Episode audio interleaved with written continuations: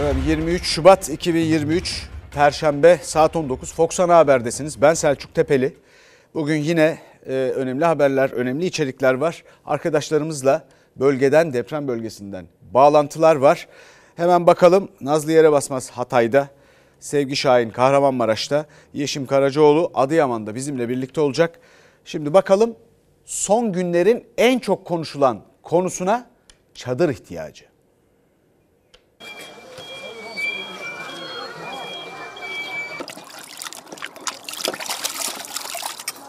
Burada biz devletten çadır istiyoruz. Bu laylonun altında insan duramaz yani. 18 gün. Bizim şu anda evlerimiz 110 hanelidir. Şu anda köyümüze herhangi bir yardım, herhangi bir konteyner, herhangi bir çadır gelmemiştir. Yarın Yarın doğum günü ve bir çadır istiyoruz. Ayşe Mina'nın doğum günü hediyesi olarak bir çadır istiyoruz sizden. 43.556 kişinin yaşamını yitirdiği Kahramanmaraş merkezli depremlerin 18. gününde hala çadıra ihtiyaç var. 12 kişi tek çadırda kalan Adıyamanlı annenin de kızına doğum günü hediyesi olarak tek isteği çadır. Çadır eksikliğimiz var bizim. 12 kişi bir çadırdayız. Bir çadırda 3 aileyiz. kim kimsiniz? Kayınbabam, biz ve görümcem. Kaç çocuğunuz var? 4. 48 bin üzerine sadece AFAD'ın dağıttığı çadır e, burada e, var. Aynı zamanda bunun üzerinde hem sivil toplum kuruluşları hem e, yabancı ülkelerden gelen çadırların dağıtımı da dahil olmak üzere vatandaşımıza her noktada ulaşmaya çalışıyoruz. 6.4 depremden sonra evi hasarsız olan vatandaşlarımız da çok doğal olarak e, korku içerisinde birçok talepte bulunuyorlar. Çadır talebinde de bulunuyorlar. İçişleri Bakanı da hala çadır sağlanmaya çalıştığını söyledi. Deprem bölgesinde hasarsız bina ise çok az. Valla çadırda yaşıyor zaten. Bir, Kaç kişi kalıyorsunuz? 10 kişi var. 10 kişinin bir çadırda yaşadığı bu adreste Adıyaman'ın Arılı köyü. Köyde sadece 4 bina ayakta. Onlar da hasarlı. 55 hanede yaklaşık 250 kişi yaşıyordu Arılı köyünde. Depremden sonra 51 hane yerle bir oldu. Yalnızca 4 hane ayakta kalabildi. Konteyner istiyoruz. Bitlis Tatvan Komando Tugay Komutanlığından gelen askerler her gün öğle saatlerinde Arılı köyünde yaklaşık 275 depremzedeye sıcak yemek dağıtımı yapıyorlar. Deprem bölgelerinde sıcak yemek için Türkiye seferber. Birkaç hafta önce kendi mutfağında kendi yemeğini yapan aileler yardımlarla karnını doyuruyor. Akıllarındaysa hep diğer depremzedeler var. Gerçekten şunu bile almak benim zoruma gidiyor şu an. Hastayım mesela öksürükten duramıyorum. Doktora gitmek gerekiyor. Doktora diyorum özür dilerim. Geldiğim için özür diliyorum doktordan. Gerçekten çok zor. çadır meselesinin görüldüğü kadarıyla çözülmesi lazım. Herkes dile getiriyor zaten. Yardımlar da toplandı biliyorsunuz. Bu yardımlarda da bir yandan herkes diyor ki bunlar verildi mi hakikaten? Biliyorsunuz 115 milyar Türk lirası. Ve ne zaman bunların çadır olarak en azından ve bunun gibi başka bir takım unsurlar bakımından sahada faydasını göreceğiz. Bir de hasar tespiti çalışmaları var. Bakanlığa göre 1 milyon 250 bin binada inceleme yapıldı. İnanılmaz bir sayı bu. İnanılmaz bir sayı. Yani her birine gözünüzü açıp şöyle baksanız bu kadar zamanda biter mi? Günde ortalama 70 bin bina demek bu çünkü. Dolayısıyla hasar tespiti konusunda kaygıları olan orada mağdur vatandaşlarımız da var. Onların bir kısmı ile ilgili hikayeleri de paylaştık. Çünkü oturulabilir raporu verildiği halde çöken binalar da var. Şimdi bakalım hasar tespit sürecine. Bu binaya hasarsız verdiler. İkinci depremde gördüğünüz gibi gitti. Eve baktılar. İçeri geçirdik. Yani her yerinde çatlaklıkla vardı. Az hasarlı dendi bize. Olabilir mi öyle bir şey dedik. Nasıl içeri geçeriz? Duvarlar birbirinden ayrılmış. Yok diyor sizin ev sağlam dediler bize. E, devletten girdik. Az hasarlı diye gözükmüş bizim ev için. İkinci depremde bu hale geldi. Onlara güvenip de içeri geçmiş olsaydık ailemle birlikte şimdi ölmüştük. Kahramanmaraş merkezli iki büyük depremde ciddi hasar gören evlerine az hasarlı raporu verildi. Hatay'daki depremlerde o evler çöktü, kullanılamaz hale geldi. Gelen ekip bir şey yok dedi. E, duvarlarda hasar var dedi ama kolonlar sağlam dedi. Çekişle kolonları vurdular. E, sağlam dedi.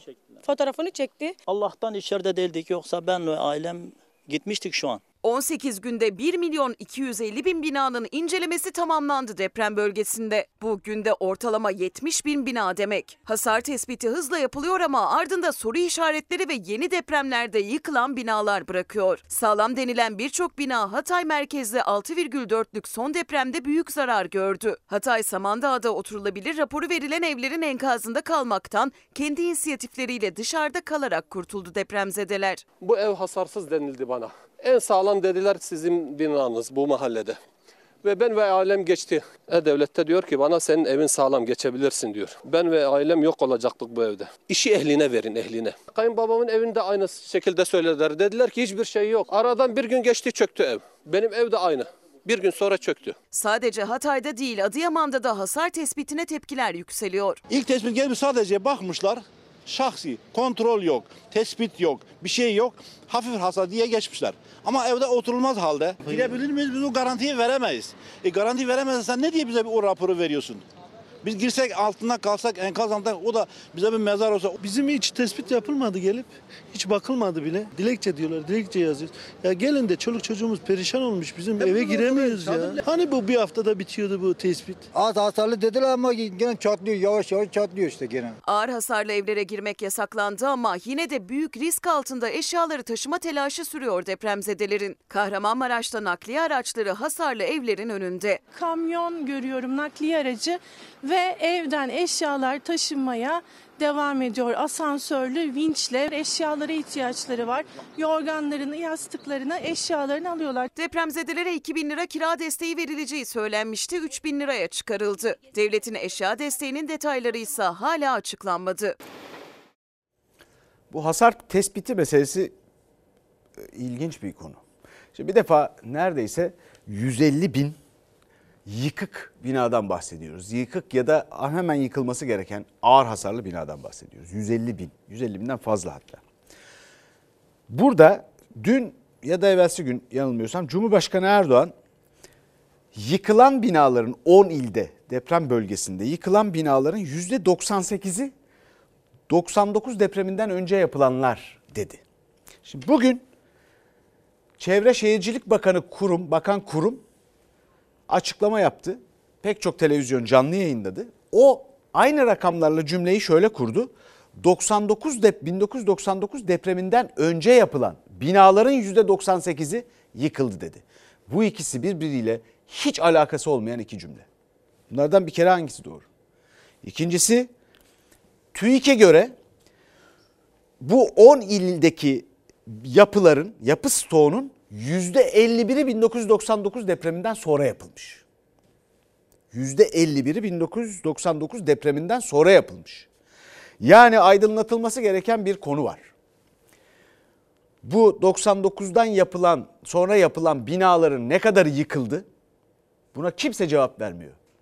Üstüne sürekli efendim bir takım cümleler sarf ediliyor, yorumlar yapılıyor ama bu söylenmiyor.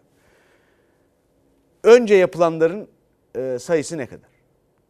Bu önemli çünkü ne kadar yeni depreme dayanıklı denen bina depreme gerçekten dayanıklı. Burada ne kadar kuşkulanmalıyız bunu anlayacağız.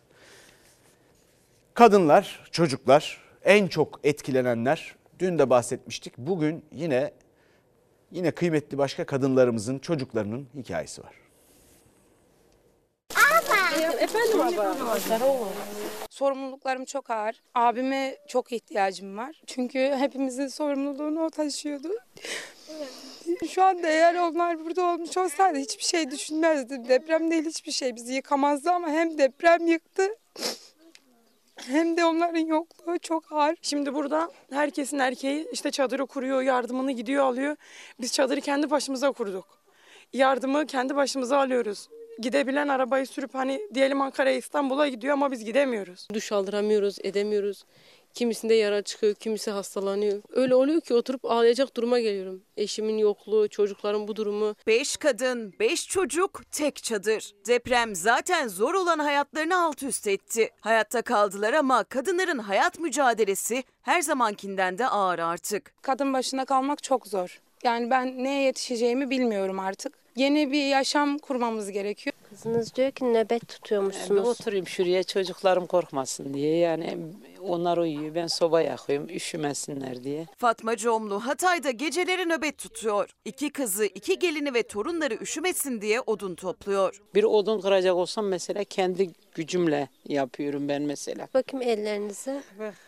Odun kırmaktan mı He, odun kırıyorum, şey kırıyorum. Yani evimin hem erkeği ki hem de kadınıyız. Çok yara olmuş ama. Evet daha depremde düştüm dizim.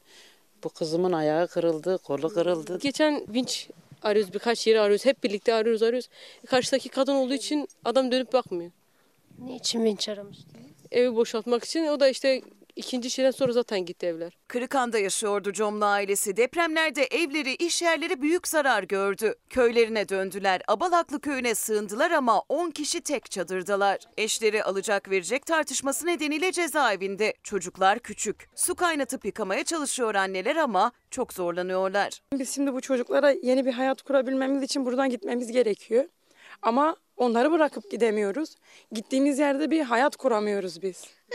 Hani bu süreçte birileri bizim sesimizi duysun, yanımızda olsunlar istiyoruz. Evet pek çok izleyicimizden pek çok bu arada bu kadınlarımıza, çocuklarımıza yardım için e, bir şekilde bilgi alma talebi geldi, ulaşıyor bize. Dolayısıyla bu haberlerimizi de sürdüreceğiz. Çünkü ne kadar faydalı olabilirse insanlarımız birbirine, biz ne kadar faydalı olabilirsek o kadar iyi. Şimdi Nazlı Yere Basmaz'a gideceğiz Hatay'a. Hatay'da bir konteyner kentte Nazlı Yere Basmaz ve bize oradaki son gelişmeleri aktaracak. Hatay sürekli sallanıyor. Bugün öğle saatlerinde çok hissedilir bir sarsıntı yaşadık. Biraz önce saat 18.53'te tam yayına hazırlanırken yine büyük bir sarsıntı meydana geldi. AFAD açıkladı. 5 büyüklüğünde Hatay Defne ilçesi merkez üssü yani bizim bulunduğumuz yere 10 kilometre mesafede. Tabi burada yaşayan insanların deprem travması çok büyük olduğu için bulunduğumuz konteyner kentte bile kendilerini dışarı attı yaşayanlar. Şimdi burası bulunduğumuz yer bir firmanın çalışanları için hazırladığı bir konteyner kent. O çalışanlardan deprem anında ne yazık ki 15'i hayatını kaybetti. 31 kişi enkazdan sağ olarak kurtarıldı. 408 çalışan da evlerini kaybetti. Ama ne yaptılar? Tüm acılarını yüreklerine gömdüler, gözyaşlarını içlerine akıttılar ve görevlerini yapmaya devam ettiler. Yanımda onlardan 3'ü var. Hemen ben Rıdvan Koca'ya döneceğim. O gece 7,7'lik deprem sırasında gece nöbetindeydi. E, Sepetli araç kullanıyor ve deprem anında hemen sokağa attı kendini. Asıl amacı ailesine ulaşmakta ama onu gören onu bırakmadı. O aracın enkazlara yardıma koşmasını rica etmek için. Siz ailenize 3 gün sonra ulaşabildiniz Rıdvan Bey. Daha önce Doğru. sohbet ettiğimiz üzere ve enkazdan çok sayıda can kurtardığınızı anlattınız. O geceyi bir kere daha hatırlayalım mı? Tabii ben Harbiye'de çalışıyordum. Toroslar bölgesi olarak. E, deprem olduğu gece yukarı dağ bölgesindeydim. E, deprem olduktan sonra aşağı şehre indim. İnsanlar katlarda kalmıştı, merdivenler falan yıkılmış. Bundan dolayı vatandaşlarımıza yardım ettim. Kaç kişiyi enkazdan çıkardınız? Yaklaşık 100-150 kişi. Sonra ailenize ulaştınız. Evet, 3 gün sonra aileme ulaştım. Aileniz sağydı. Sağ, Eviniz çok şükür. Evimiz yıkıldı. Zarar yok. Her şey Allah'tan afet oldu. Ama tabii bunun etkilerini atlatmak çok zor. Aynen. Siz yaraları sarmak için hemen görev başına koştunuz tekrardan. Aynen. Evet. Hemen e, Reşit Bey'e de sorayım. Reşit Kösenli. E, Rıdvan Bey gibi siz de görev başında. Evet görev başındaydım. E, depremden sonra zaten aşırı bir yağmur vardı. E, benim bulunduğum noktada Toroslar binasının olduğu noktada e, etrafındaki bütün binalar yıkılmıştı. Bizim bina ayakta kaldı. E, boşluk alandı zaten. E, vatandaşlar, çocuklar filan e, bizim binaya doğru geldiler. Bizim araçlar boştu o esnada. Hepsini araçlarımıza yerleştirdik. Kalorifelerini falan açtık yağmurda mağdur kalmasınlar diye. Güvenlik kulübesi vardı. Güvenlik kulübesine yerleştirdik. Bazı çocukların üzerinde montlar, montlar falan yoktu. İş kıyafetlerini araçta bulduklarımızı onlara verdik. Bu şekilde yardımcı olduk. E, Sonra ne zaman görev başına döndünüz? Görev başına e, ailemi e, ilk gün Reyhan da benim akrabalarım falan oraya bıraktıktan sonra tekrar ikinci gün buraya geldik. Bir fiilde ç- şu ana kadar da çalışıyoruz. Yeri geliyor bir saat yat- yatıyoruz, yeri geliyor hiç yatmıyoruz. Hepsi yaşadığınız travmayı atlatmak ve kentinizin yaralarını sarmak için. Hemen bu noktada ben Hüseyin Bey'e de söz vereyim. Hüseyin Gül, siz de ailenizi güvenli bir yere gönderdikten sonra Evet. Ee, gecesinde ilk gözümü açtığımda çocuklarım aklıma geldi ve çocuklarımı eşimi çıkarttım. Ondan sonra kendim çıktığım yerde duvarın patladığını gördüm ve şu şekilde dışarıya çıktım. Ee, ondan sonra kardeşim geldi. Ee, çocuklarımı güvenli bir yere götürdü eşimle ve e, akşam gördüğümde aradan 7-8 saat sonra gittim gördüm. Ve ertesi gün yöneticilerimle irtibata girip burada görev başındayım yöneticilerimle birlikte. siz aradınız yani. Ben görev başına geldim. Evet evet. E, zaten bizim yöneticilerimiz bize ulaşmaya çalışıyordu zaten. Defalarca arandık ve ulaştılar. İş için değil, sadece bizi sorabilmek için. Şimdi birçok gönüllüyü biz zaten Türkiye'den her yerinden gelen gönülleri görüyoruz ama Hatay'ın kendi insanları da yaralarını kendileri sarmak için görev başında. Evet, görev başındayız ve elimizden ne geldiyse yapmaya çalıştık ve çalışacağız. Çok Burayı teşekkür- terk etmeyeceğiz. Çok teşekkür ediyorum. Şimdi Hüseyin Bey terk etmeyeceğiz diyor ama burada gerçekten sağlam durabilmek çok zor. Biraz önce de bahsettim sarsıntılardan. Bırakın insanların evlerine girmesini, sokakta yürümek bile artık çok tehlikeli. Çünkü bütün binalar özellikle Antakya, Samandağ ve Kırıkhan ilçesi enkaz durumda. Çok ağır hasarlı binalar var. Sokaklardan her an insanların başına bir şey düşebilir. Bu nedenle can kayıpları olabilir. İşte tam da bu nedenle çadır ihtiyacı çok fazla. Konteyner kent ihtiyacı çok fazla. Tabii giden gitti. Onlar için de zor. Canı ciğeri olsa da başka insanların yanında barınmak da çok zor. Ama çadır kent bir yere kadar. Yağmur çok fazla, yerler ıslanıyor. E, hava biraz ısındığı zaman sıcak olacak. Bu kentin yarası da zor sarılacak biliyorsunuz. Çünkü yıkım çok büyük. Yani bir şehri yeniden inşa etmek gerekiyor. O yüzden hazır bu konteyner kentteyken konteyner kentlerin fazlalaşmasının ihtiyacın çok büyük olduğunun önemini de buradan dikkat çekelim Selçuk Tepeli. Herkesin orada ellerine sağlık. Ee, Nazlı Yere Basmaz'a teşekkür edelim.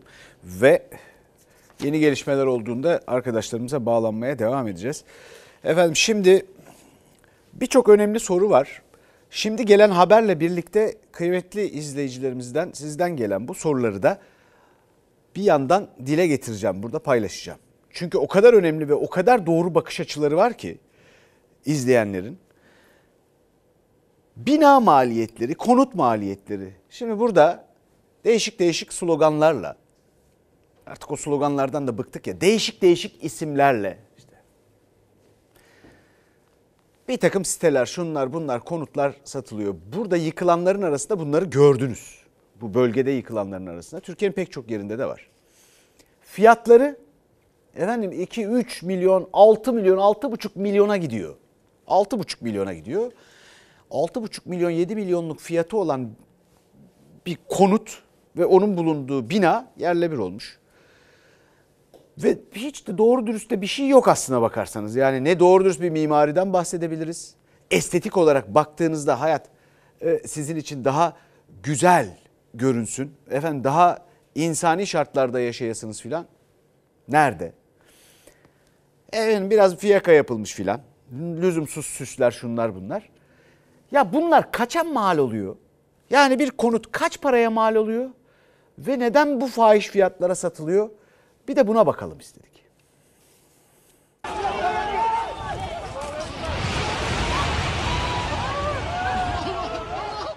Kaba inşaat maliyetleri ortalama 2000-2500 civarlarında bir rakama tekabül ediyor. Buradaki beton kalitesinin sıkıntılı olması dolayısıyla birçok binamızda da zararlarımız var. Ee, illaki vardır bu tarz hatalar, bu tarz art niyetli insanlar olmuştur. Tahminimce %10 civarında bir e, farklılık olacaktır. Yani 200-250 TL bugünün parasıyla bir rakam tekabül eder. Metrekarede en fazla 200-250 lira kar etmek için eksik malzeme kullandılar. Ya demirden ya betondan çaldılar. Zaten maliyetinin kat be kat fazlasına sattıkları dairelerde binlerce kişinin hayatıyla oynadı müteahhitler. Kaba inşaat maliyetimiz işte %40, %35, %40'larına denk gelir bir inşaatın. Bir binanın kaba inşaatında iki önemli maliyet kalemi var beton ve demir. Her metrekare için ortalama 1200 liralık demir kullanılıyor, 900 liralık da beton. İnşaat Mühendisleri Odası Kahramanmaraş İl Temsilcisi Ökkeş Buğra Dalkıran'a göre binanın yükselebilmesi için bu malzemeler en fazla %10 oranında eksik kullanılabilir.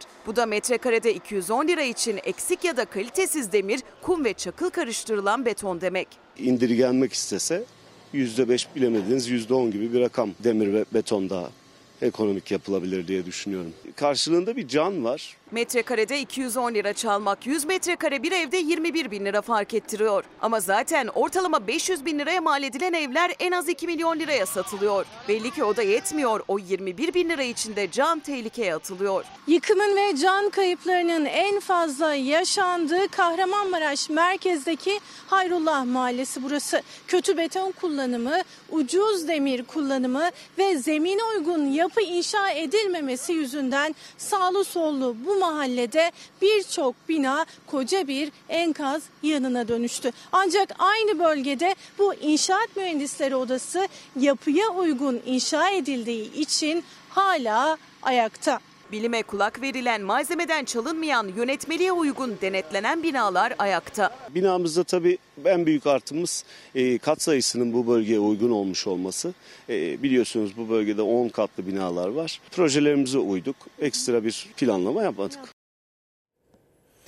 Bir kıymetli izleyicimiz diyor ki yapı denetim firmaları bir inşaat mühendisinin diplomasını kiralayarak açıyorlar. Diploma karşılığı para veriliyor ve diploma sahibi mühendis ezbere firma sahibinin getirdiği dosyaları görmeden imzalıyor. İddiaya bakar mısınız? Demek ki bu tür uygulamalar yapanlar olabilir. Böyle bir iddia ve kuşku varsa yapmayanlar da elbette vardır. Belki de çoğunluktadır. Tamam. Ama bu kuşkunun ortadan kaldırılması gerekmez mi? Bu diploma kira- kiralama meselesi sadece bu inşaat sektöründe filan değil. Türkiye'de pek çok sektörde eczacılar kadar pek çok sektörde var. Bu nerede görülmüş ya? Birinin şu ya da bu biçimde bulduğu bir para var. Bu konuda hiçbir eğitim almamış. Bir başkası o parayı asla bulamayacak. Ümidi de yok. Sisteme bakar mısınız? Diplomasını kiraya veriyor. Ya buna ne denir? Ne denir buna? Şimdi bakalım. Bütün bunlar niye önemli? Detaylarda bir yandan da gizli insan hayatı. Bakın şimdi haberde iki bina göreceksiniz. Biri dimdik ayakta duruyor. Bir pazarcı tarafından ailesi kendisi için yap, yapılan bir bina. Pazarcı tarafı aile için, kendi ailesi için yaptığı bir bina. Yanında başka yıkılan bir bina var. O bir müteahhit tarafından yapılmış ve kendisi de o binada can vermiş.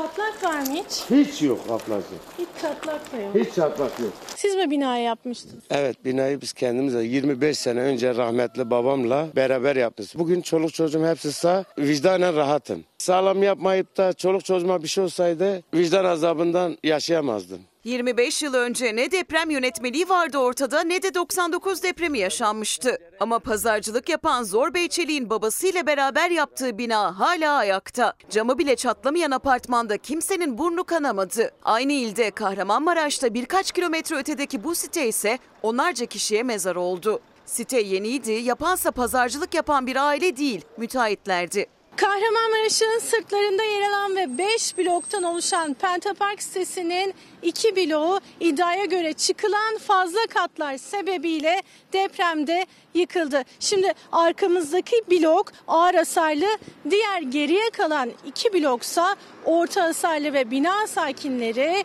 tehlikeli olmasına rağmen dairelerindeki eşyaları boşaltmaya devam ediyor. Bu apartmanda oturuyordum. Depremde sağ ve sol yıkıldı. İki bloğu yerle bir olan Pentapark sitesinin müteahhitlerinden biri kendi yaptığı apartmanın enkazında kalarak can verdi. Diğer müteahhit ise Yunanistan'a kaçmaya çalışırken özel yatta yakalandı. Kim ölmüş ölmem umurumda değil ki. Adam bitirip ya kiraya verecek ya satacak. Budur başka yani başka bir şey yok. Bu rant işi. Bu binaların yıkılması ranttır. Başka bir şey değil. Bu insanların vebali kim verecek? Kahramanmaraş'ta çoğu ev yıkılırken onun evi sapasağlam ayakta. Egemenlik Mahallesi'nde yaşayan, pazarcılık yapan 54 yaşındaki Zor Bey Çelik 30 kişilik ailesiyle yaşadığı bu 4 katlı binayı babasıyla beraber yaptı ve betonunu, demirini vicdanıyla tartarak yerleştirdi ve şimdi o büyük depremden sonra evinde değil bir çökme, tek bir çatlak ve çizik bile olmadı. Beton dökerken ablacığım bir hafta 10 gün kalıpta kalması lazım. Sabah ezenleri bir de akşam güneş battığında Bunu bol bol sulamamız lazım. Bu beton birbirini tutsun. Adam akşam beton dökmüş, sabahın kalıplar sökmüş, ikinci katına geçmiş. Üçüncü katına geçmiş. Öyle beton birbirini tutmaz ki. Bir yanda vicdanla örülen binalar, bir yanda kaçak kat iddiaları. Kahramanmaraş sokakları doğru ile yanlış arasındaki o hayati farkın birer acı fotoğrafı. Biz kaçmadık, çalmadık, çırpmadık. Demirinden olsun kısıtlamadık, çimentosundan olsun kısıtlamadık. Onun için de bugün çok şükür ayaktayız. Ve izleyicimiz diyor ki en önemli konu bence yapı denetim e, yapanların dürüst olması, rüşvet yememesi. Efendim dürüstlüğe eyvallah önemli. Ama buna bile gerek olmayacak kadar iyi denetlenmeli onlarda. Sistem herkes birbirini denetleyecek şekilde kurulmalı. Bu inisiyatife bırakılacak bir şey değil. Evet dürüst olsun. E tamam olsun tabii. Zaten olmalı insan dürüst. Ayrı konu. Ama bu gerekliliğe rağmen insanlar dürüst değilse bunun önüne geçecek, bunu yakalayacak ve aradan çıkartacak, cezalandıracak bir sisteme ihtiyacımız var. Konu budur. Bu da çıkarsız, tıkır tıkır yürüyen bir sistem, ciddi bir sistem gerektirir. Zaten hemen yayından önce 18. saat bölümünde Mustafa Erdik'le, Profesör Mustafa Erdik'le beraberdik. Onun söylediği şey bütün sorunların başında ne bilmediğini bilmeyen insanlar geliyor ülkemizde dedi. İşte tam da bu. Bakın kendi yaptığı çürük binanın içinde hayatını kaybeden bir müteahhitten bahsettik biraz önce. Bu daha da tehlikeli bir şey. Bunun kendisi farkında değil ve hiçe sayıyor kendi yakınlarının canını filan. Bunu nasıl halledeceğiz ya? Efendim şimdi Sevgi Şahin'e gidiyoruz. Kahramanmaraş'a bize oradaki son bilgileri verecek. Selçuktepe ile Kahramanmaraş Pazarcık'a bağlı Tetirlik köyündeyiz. Pazarcık'ın en kalabalık nüfuslu köyü burası. 900 nüfuslu bir köy. Halkın, köy halkının birçoğu tarımla uğraşıyor. Birçoğu da inşaat işiyle uğra- uğraşıyor. Depremi onlar da derinden hissettiler. Çünkü Pazarcık tam karşılarında. Yani Pazarcık'la buranın arası 15-20 kilometre. Çok yakın. Derinden hissettiler. Evleri yıkıldı ama Neyse ki can kaybı olmadı. Canlarını zor kurtardılar. Yıkılan evlerin içlerinden çıktılar. 18 gün geçti o depremin ardından ama onların e, istekleri var. Dertleri bitmedi çünkü. E, canları sağ ayaktalar ama sıkıntıları devam ediyor. Öyle ki köye gelirken ilk gördüğümüz şey yolları çok kötüydü. Yani depremde canlarını kaybetmediler ama o yoldan geçerken her an bir tehlikeyle baş başa kalabilirler. Yani orada tehlikelere devam ediyor. Ben hemen sözü uzatmayayım. Köy muhtarı Hüseyin Bey'e vereyim. Efendim nedir sıkıntılarınız var mı? Vallahi Sıkıntılarımız e, e, şu anda 52 tane çadır geldi. Onun dışında çadıra ihtiyacımız var.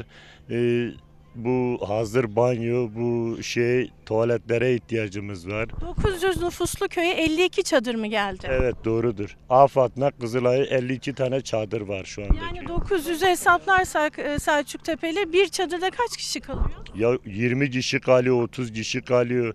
Ya bazıları da kendi çabalarıyla branda alıyor. Delme, dakma e, çadır kuruyorlar soğukta donmasınlar diye. Eksi 7'lerde, 8'lerde ısıtıcımız hiç yok.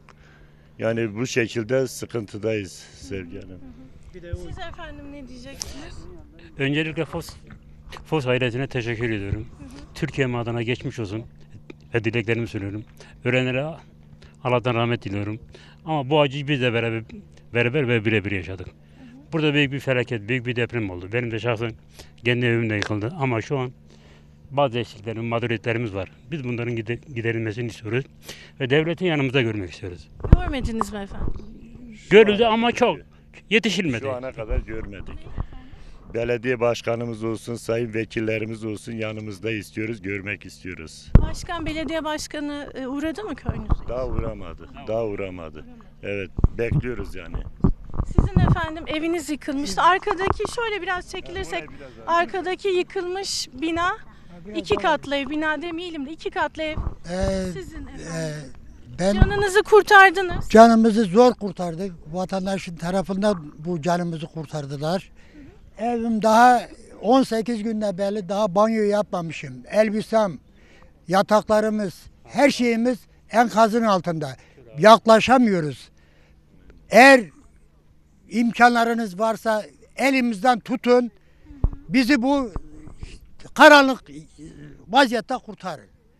Biz bunu istiyoruz. Devletimiz bize bir baksın. Yolumuz bozuk. Banyo yapamıyoruz. Suyumuz eksik. Yolumuz kötü. Her an için işte mağdur durumdayız. Evet. Evet, evet. Selçuk Tepeli dediğimiz gibi Pazarcık'ın tam karşısında bir köy. Yani çok yakın karanlık şu anda ama kuş bakışı baktığımızda direkt Pazarcık'ı görüyoruz. Yani merkeze yakın. İşte bu yüzden köylüler e, devleti yanlarında görmek istiyorlar yetkilileri. Buraya bir gelsinler bizim halimizi görsünler diyorlar ki haklılar. En depremin en dehşet görüntüsü de bu köyde aslında bir dut ağacı fay hattının üstünden geç, üstünde olan bir dut ağacı ikiye ayrılmış durumda. Hatta e, Çin'den bile buraya bilim insanları gelmişler. O bölgeyi inceliyorlar ama devleti görememişler. Görmek istiyorsunuz. Evet doğrudur. Devlet son sözle kapatsın. Vallahi e, demek istediğim şu, şu anda devletimizde beklentimiz şu yardımlarımızı eksik etmesinler. Yani başka da diyecek bir şeyim yok köyüm adına. Herkesi saygıyla selamlıyorum. Çadır istiyoruz. Acilen. Kendim gittim müracaat ettim 4 gündür. 350 hanelik köye gelen çadır sayısı 52 tane. Bununla belediye başkanı ilgilensin lütfen. Lütfen. 4 gündür gittim müracaat ettim daha çadır yok. Çadır. Aşı, do- donarak öleceğiz yani buradan. Evet çadır en acil istekleri köylülerin söz sizde İstanbul'da Selçuk Tepeli. Teşekkürler. Çadır ihtiyacı e, orada da dile getirildi. Efendim şimdi depremden sonra yakınlarını kaybedenler, arayanlar, bakanlık bu konuda pek çok açıklama yapıyor ama çaresizliğini dile getiren de pek çok insanımız var. 15 gün boyunca enkazın başında bir umut, belki çıkarlar, belki yaşıyorlardır diye. Sonra Sonda zaten hüsran. İş makineleri girdi, yıktılar. Tam kapının orada, apartmanın kapısının orada eniştemle yeğenimi bulduk. Çok çaresiziz. Gittik, kimsesizlerin gömüldüğü yere gittik. Onların fotoğrafı çekiliyor. Onlarınkine bakıldı, bütün fotoğraflara bakıldı. Ama hiçbir ablam değil. Kader Dağlı, Hatay'ın Antakya ilçesinde yıkılan evinin enkazından çıkmadı. 5 kişilik ailesinden geriye sadece 1 yaşındaki bebeği kaldı. Kardeşi günlerdir ondan bir iz arıyor. Test aldılar annemden DNA testi için. Biz dedik kaç gün sonra belli olur. Bize dediler ki 3 ay sonra. 3 ay sonra ablamı bulmamak bizi daha çok çaresiz bırakıyor. 26 yaşındaki Kader Dağlı'nın ailesi tam 15 gün boyunca hiç ayrılmadan enkaz başında bekledi. Kızlarından bir haber alabilmek için. Sonra cenazelerin fotoğraflarına baktılar tek tek. DNA örneği verdiler ama hala Kader Dağlı'dan bir haber yok. Çok çaresiziz. Böyle belirsizlik içinde ablamın olmaması daha çok yakıyor bizi. Ya bir mezar olsun ona Kur'an okumak istiyorum ama yok abla. Deprem bölgesinden kayıp ihbarları yükseliyor. 14 yaşındaki Yunus Emre Tunçbilek de Gaziantep İslahiye'deki evlerinin enkazından çıkmadı. Babası Aile ve Sosyal Hizmetler Bakanlığı'na da başvurdu ama isim ve fotoğraf eşleşmesi bulunamadı. tüm devlet yetkililerinden, ilgililerden Yunus Emre'nin canlı veya cansız bedenini bana kavuşturmasını diliyorum. Enkazda 4-4,5 saat biz kızımla beraberdik. Her şeyi konuştuk. Kızımın hiçbir sağlık problemi yoktu. Sadece ayağını kımıldatamadığını söyledi. Ben dışarı çıktığımda saat 2.30 civarlarıydı. Oradaki komşular kızı ambulansa bindirdik, hastaneye götürdü, götürüldü dedi. İçim ferahladı ve enkazda kalan kız kardeşim, kuzenim ve diğer eşim ve kızım vardı. Onları aramakla uğraştım. Bugünden bugüne kadar kızımdan haber alamıyorum. 10 yaşındaki Mukaddes Erva Aktaş da depremden bu yana kayıp çocuklardan. Kahramanmaraş'taki evlerinin enkazından çıkarıldığı biliniyor. Hatta 15 Şubat'ta hastane kaydı da görünüyor. Sonrası ise yok. Babası her yerde kızını arıyor. Muhaddes Erva'dan bugüne kadar hiçbir haber alamadım. Bakılmayan tek bir yer yok. Ya bizim kızımız, bizim hala ümidimiz var. Bizim kızımız yaşıyor. Civardaki kameralara ulaşabildik. İrem Karaca da 15 yaşında. Gaziantep İslahiye'de ailesi tek tek güvenlik kameralarını inceledi, izine ulaştı. Ancak İrem'e hala ulaşamadılar. Şok geçirdiğini, bir yere saklandığını ya da bir hafıza karşı, e, hafıza kaybı yaşadığını düşünüyoruz. Efendim bir de Adıyaman'da insanlar canını malını kaybetti. Tabii kimliğini kaybeden de pek çok insanımız var. Alamayan, kimliği yanında olmayan onların kimlik çıkartması lazım. E fotoğraf çektirebilecekleri yer yok. O kadar ilginç sorunlar, o kadar her bir yeni aşamasında bu felaketin ortaya çıkıyor ki her birine ayrı çözüm, çare üretmek lazım. Tebessüm et biraz. Dudağını kapat abicim. Tamam geçmiş olsun. Buradaki anlayışsızlığı anlayamıyorum ben. Hani depremzedeyiz hepimiz kalacak evimiz yok. Bizden fotoğraf isteniyor geçici kimlik belgesi için. Adıyaman Valilik binası.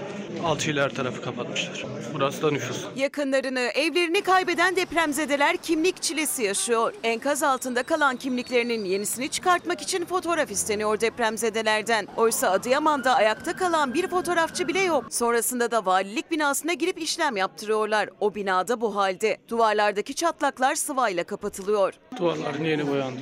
Koltuklardan belli boyalar. Burada harç yapılmış. Burada bir fotoğrafçı vardı. Ama e, şey çoktu yani burası. Her yere gitmiş, evimiz de gitti. Hiçbir şey kalmadı. Enkaz altında kalan canlar, anılar bir de hayatta kalan depremzedeler için devam eden bir yaşam var. Bunun içinse kimlik, ehliyet gibi önemli değerli belgeler gerekiyor ancak onların da çoğu enkaz altında kaldı. Şurada kuzenim var bugün İstanbul'a gidecek uçağa binmesi gerekiyor. Annesi babası köyde gelemiyor. Ama diyor ki abisi burada. Abisi de yani 24 yaşında diyor annesi babası olmadan biz kimlik çıkartmıyoruz. Hani bu ortamda biraz anlayış lazım. Pardon abla. Niçin çektirdiniz fotoğrafı? Kimlik için. Kimlik nerede? Enkazın altında kaldım. Kimlik, ehliyet ve pasaport işlemleri için gerekli olan fotoğraf desteği yine bir deprem zededen geldi Adıyamanlılara. Kendileri enkazdan kurtarabildikleri malzemeleriyle Adıyaman Valiliğinin önünde bu duvarın önüne bir mini stüdyo kurdular. Biz de depremzedeyiz. Evimiz, dükkanımız hep kolonlar patlamış. Elimizden geldiğince biz de memleketimizi bırakmadık. Yardımcı olmaya çalışıyoruz. Ama kimse kimliksiz vatansız etmesin. Buraya 35 kilometre gideceksin herkes gidemez. Araba lazım. Araba lazım, para lazım. Allah kimseyi varlıksız bırakmasın. İmkanı olan çevre illerde fotoğraf çektirip kimlik çıkartıyor. İmkanı olmayan büyük zorluk yaşıyor. İki depremzede kardeş vesikalık fotoğrafları sokakta çekip araçlarında çoğaltıyor. Aldıkları parayla kağıt ve benzin masraflarını karşılıyorlar.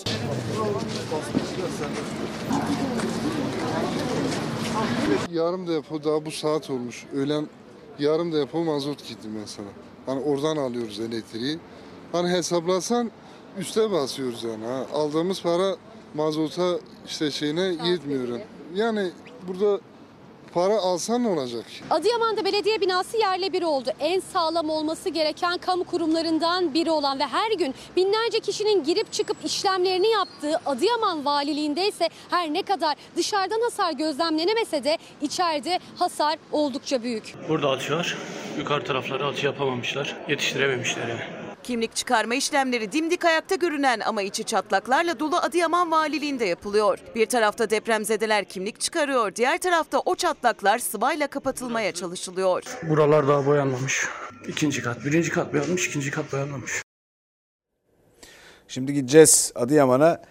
Yeşim Karacaoğlu ile konuşacağız. Orada Tunceli'den gelen Jandarma Komando Özel Harekat Birliği'nin bir e, e, çadır kenti var. Dolayısıyla oradaki hizmetlere bakacağız. Allah onlara da kolaylık versin. Bir de Eczacılar Birliği'nin açtığı bir eczane var. E, Yeşim de bize son bilgileri verecek.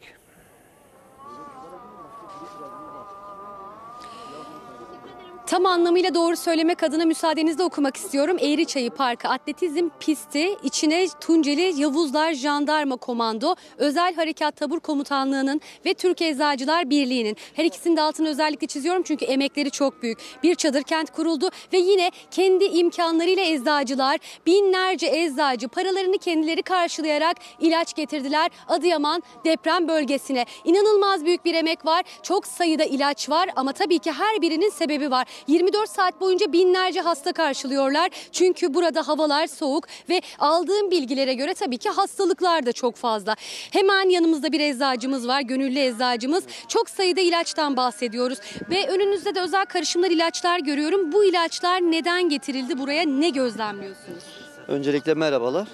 Ee, bu ilaçları biz oluşabilecek salgın durumlarına karşı getirdik. Uyuz vakası biraz yaygındı. Uyuz için tedbir aldık.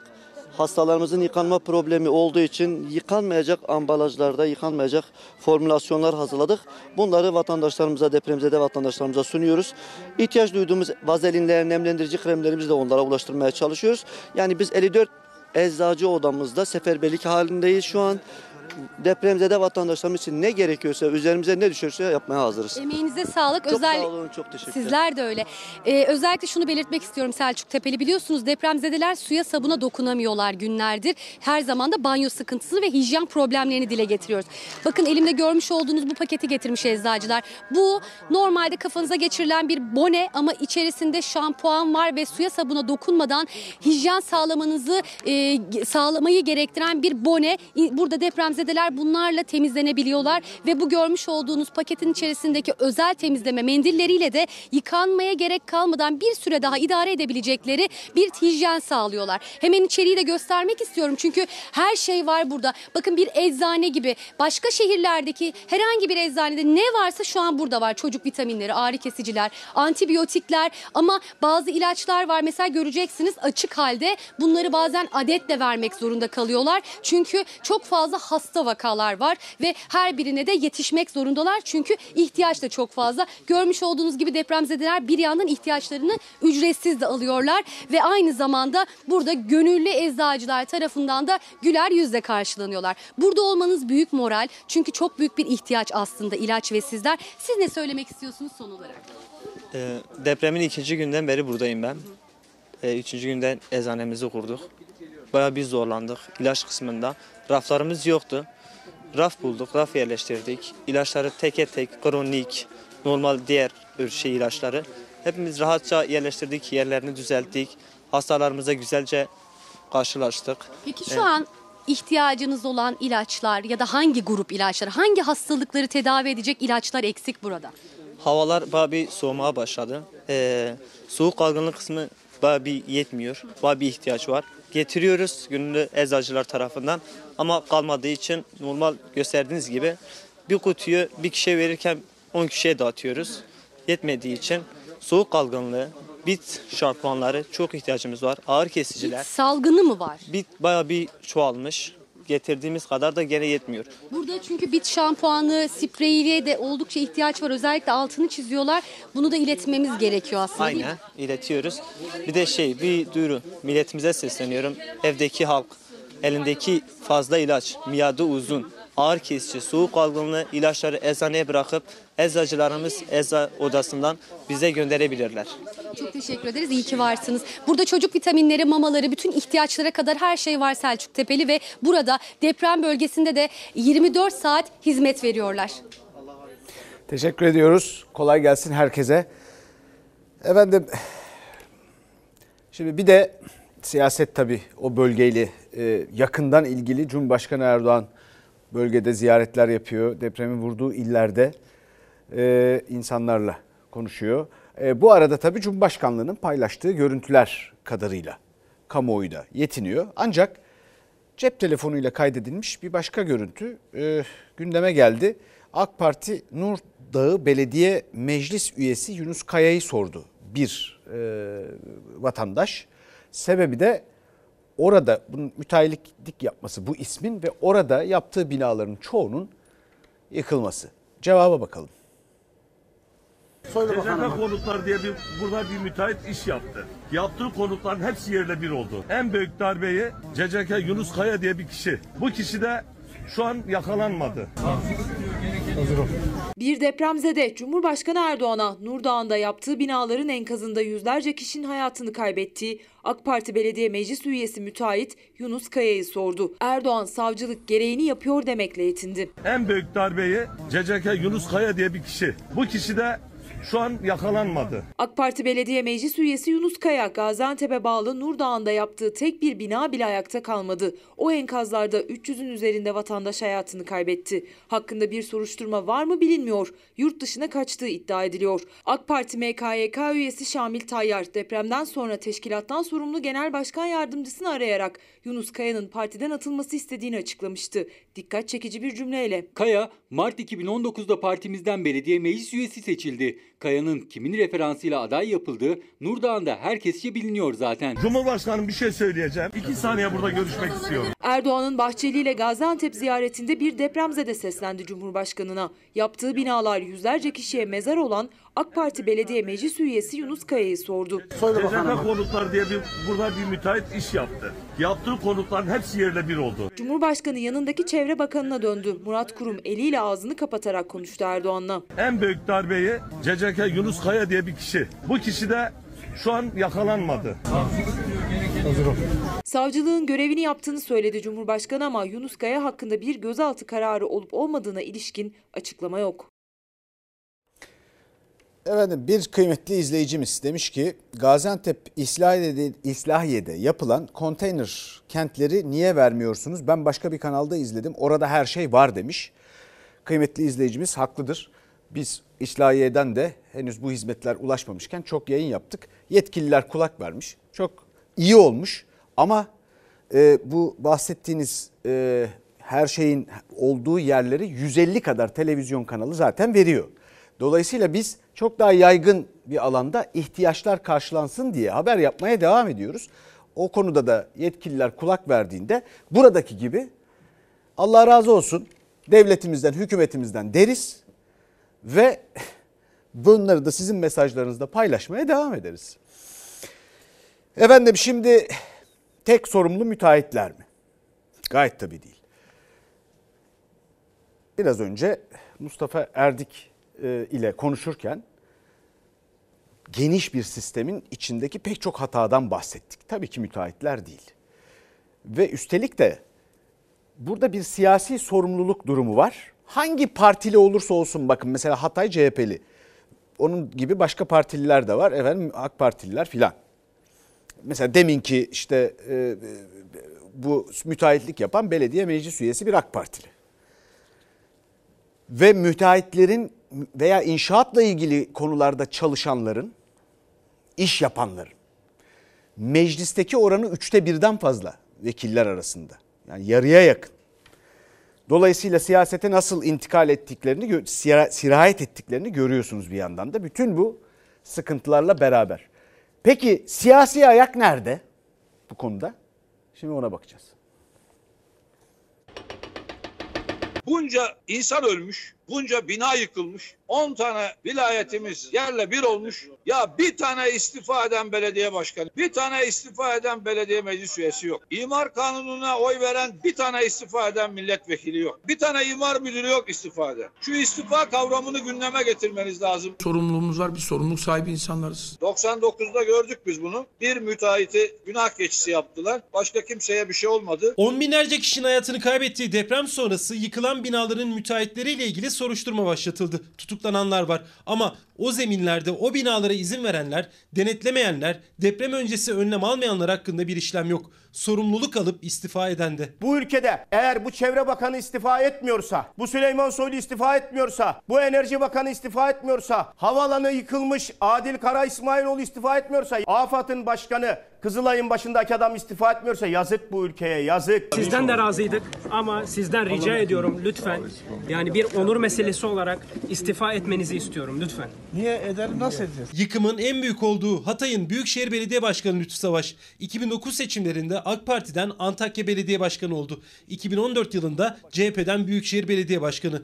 Büyük yıkım sonrası bir depremzede Kılıçdaroğlu'nun yanında Lütfü Savaş'ın istifasını istedi. 20 yıldır Hatay Büyükşehir Belediyesi'nde, Antakya ilçe belediyesinde belediye başkanlığı yaptınız. 20 yıldır bu kenti maalesef ıslah edemediniz. Bu felaketi öngöremediniz. Sizin yanımızdaki kıymetiniz yerinde kalsın diye lütfen istifa edin. Bizim kabahatimiz varsa biz kabahatimizin cezasını çekmeye hazırız. Hükümet, ilçe belediyeleri, imar affı bunları hep birlikte değerlendirmek lazım.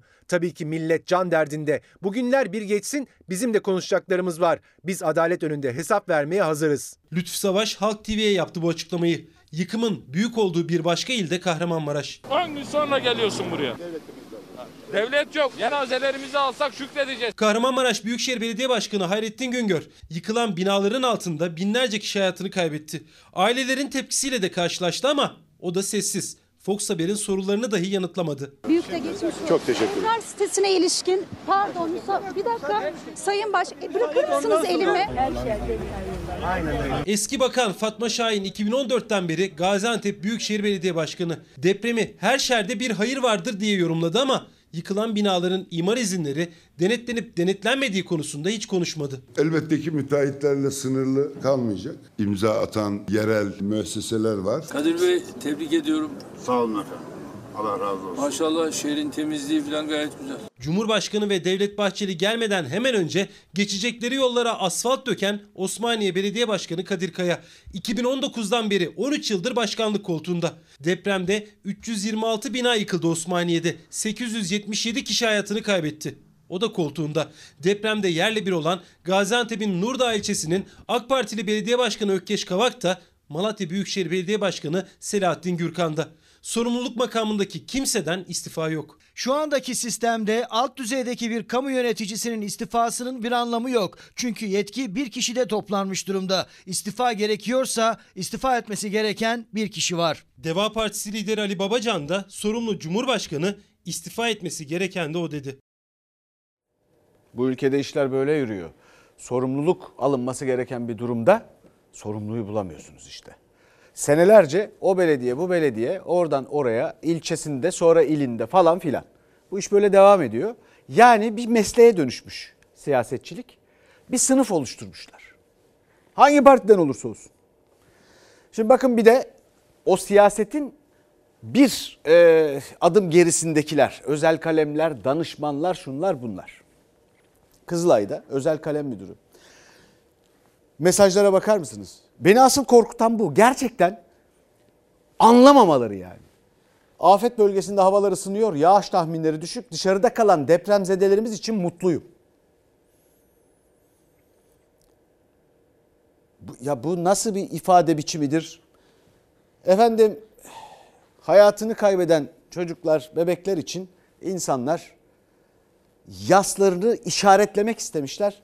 Enkazlara balonlar bırakmışlar. Bebelere balon.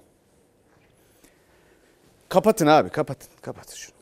Ya bunlar bu memlekette siyasetten geçinen başka hiçbir halt yapmayan üstelik de birkaç yerden maaş alan falan filan arka kademe elemanları şunları bunları. Ya bu şekilde kalemiydi danışmanıydı şunuydu bunuydu. Hakikaten hiçbir iş yapmadan dünyanın parasını kazanan kaç milyon insan var Türkiye'de ya. Ve üstelik de hani bir donanımı bir şey olsa azıcık kafa çalışsa hiç sorun yok. Ama o da yok. Efendim şimdi bakalım e, deprem sonrası yaşananlara ilişkin siyasetteki tartışmalara.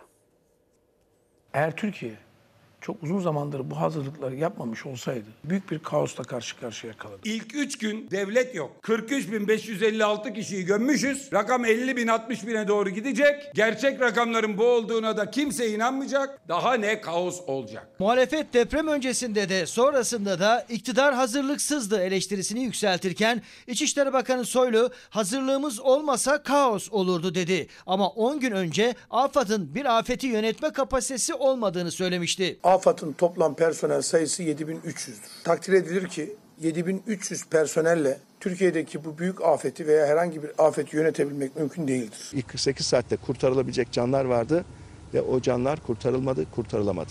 Bu ilk 48 saat ne oldu? Yer kürenin en büyük depremlerinden birisidir. Asrın değil. Asrın ifadesi bunu karşılamaz. Evet bir büyük felaket. Dünyanın en büyük felaketi mi? Asla değil. Şili'de 9,2 oldu. 500 kişi öldü. Sevdiklerimizi, canlarımızı ve insanlarımızı kaybettik.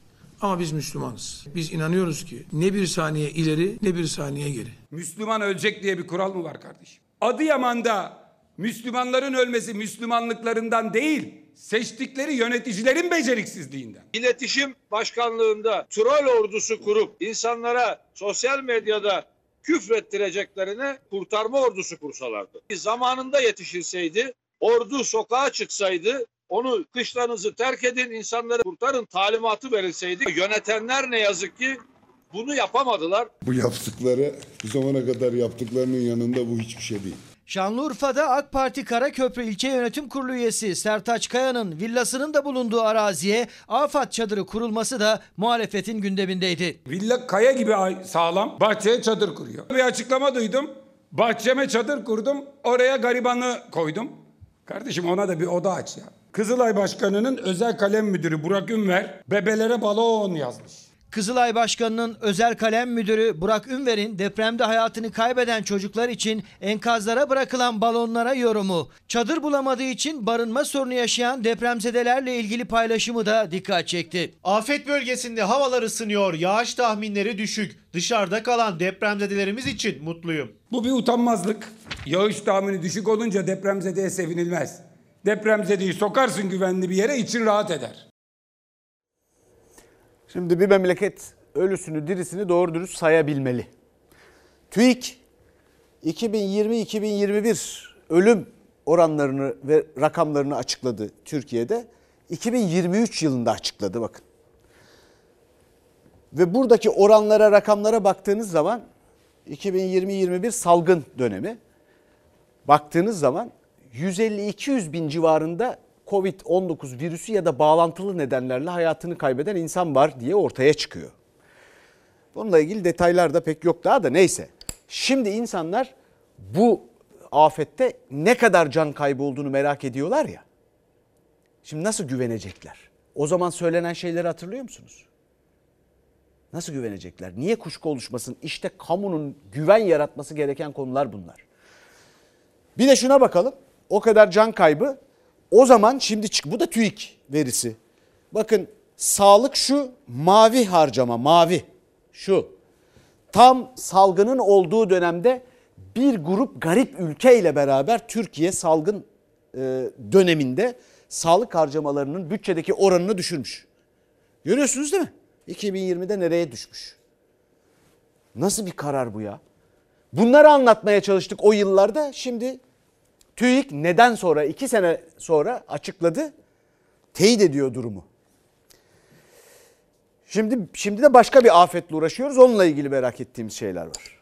Efendim şimdi bir de İstanbul'da hızlı tarama ile ilgili İstanbul Büyükşehir Belediyesi'nin başlattığı bir adeta kampanya var. Onu da genişletiyor ona bakalım. İki etri arasında diğer etriye de yakın olacak şekilde bir kırım yapıyoruz. Donatıları görebilmek için. Kaç yıllık bina? 40 yıllık falan. Buranın deprem bölgesi olduğunu biliyoruz. Tespit yapalım, yaptıralım istedik. İstanbul'da Büyükşehir Belediyesi'nin hızlı tarama testine 86 bin kişi başvurdu. Kahramanmaraş'taki depremin ardından 2000 yılından sonraki binaların da taranabileceği açıklandı. Hem ev sahipleri hem de kiracılar başvurabiliyor. Binaya zarar verebileceği kaygısıyla karot örneğine mesafeliydi bina sakinleri. Hızlı taramada kolon röntgeni çekiliyor, demir ve beton analizi yapılıyor. 3 gün önce falan başvurduk. Bütün apartmanla toplanalım, herkesten bir yazı alalım falan gibi halkımızda bir endişe olmasın. Bireysel de her haneden başvuru yapıldığı zaman apartman için gelip İstanbul Büyükşehir Belediyesi zaten hemen çalışma yapıyor. Bakırköy Zuhrat Baba'da bina sakinlerinin de isteğiyle binanın dayanıklılık hasar tespiti yapılıyor. Ekipler hızlı tarama yöntemiyle binadaki hasarı tespit etmek için kolonlar üzerinde çalışmalar sürdürüyor. Önce sıvayı kaldırdık. E, röntgen cihazımızla demir sayısını e, ve yerlerini belirledik. Sonrasında e, sıyırma dediğimiz işlemle demire kadar ki beton parçasını alıp içindeki demirin e, niteliğini ölçtük. Şimit çekiciyle betonun e, sertlik derecesini ölçtük. Sonrasında biz bu binadan topladığımız tüm verileri e, ofisimizde e, bu binaya ilişkin zemin değerleriyle analiz ederek binanın deprem güvenlik oranını belirleyeceğiz. Taramalarda 318 binanın durduğu yerde yıkılabileceği sonucuna vardı ekipler. Başvuru sırasına göre çalışmalara devam ediyorlar. Bu 318 bina ile ilgili işlemlerimiz e, birkaç aydır devam ediyordu. İlkini depremden 3 gün önce yıktık. Diğer binalarla ilgili de e, bina bina bilgilendirmelerini yaptık. İçerinde, içerisinde yaşayan kişilere, ilçe belediyeleriyle ortak toplantılar düzenledik. E, Şimdi bu binalarla ilgili de e, yenileme, tahliye süreçleri devam ediyor. Belediyenin analiz raporu bilgilendirme niteliğinde. Bina riskli bulunsa da tahliye kararı verilemiyor. Ev sahipleri ve kiracılara ise maliyetine dönüşüm imkanı sunuyor İBB. Binayı yenilenene dek 4500 lira kira desteği var. Tüm masraflar dahil Kiptaş'ın yapacağı yeni binalardaysa metrekare bedeli 14 bin lira. Yani 100 metrekare daire için 1 milyon 400 bin lira. daire malikleri uzlaşmadıktan sonra bu işin çözülme noktası mümkün gözükmüyor. E bunun için de işte bir metrekare için çok ciddi kavgalar çıkıyor. İşte şerefiye sorunları çıkıyor. Cam mı, mülk mü dediğiniz zaman mülkü seçiyor insanların çoğu. Şimdi kısa bir aramız var sonra buradayız. Yarın 18.15'te önce 18. saatte sonra 19'da ana haber bülteninde birlikte olmak üzere.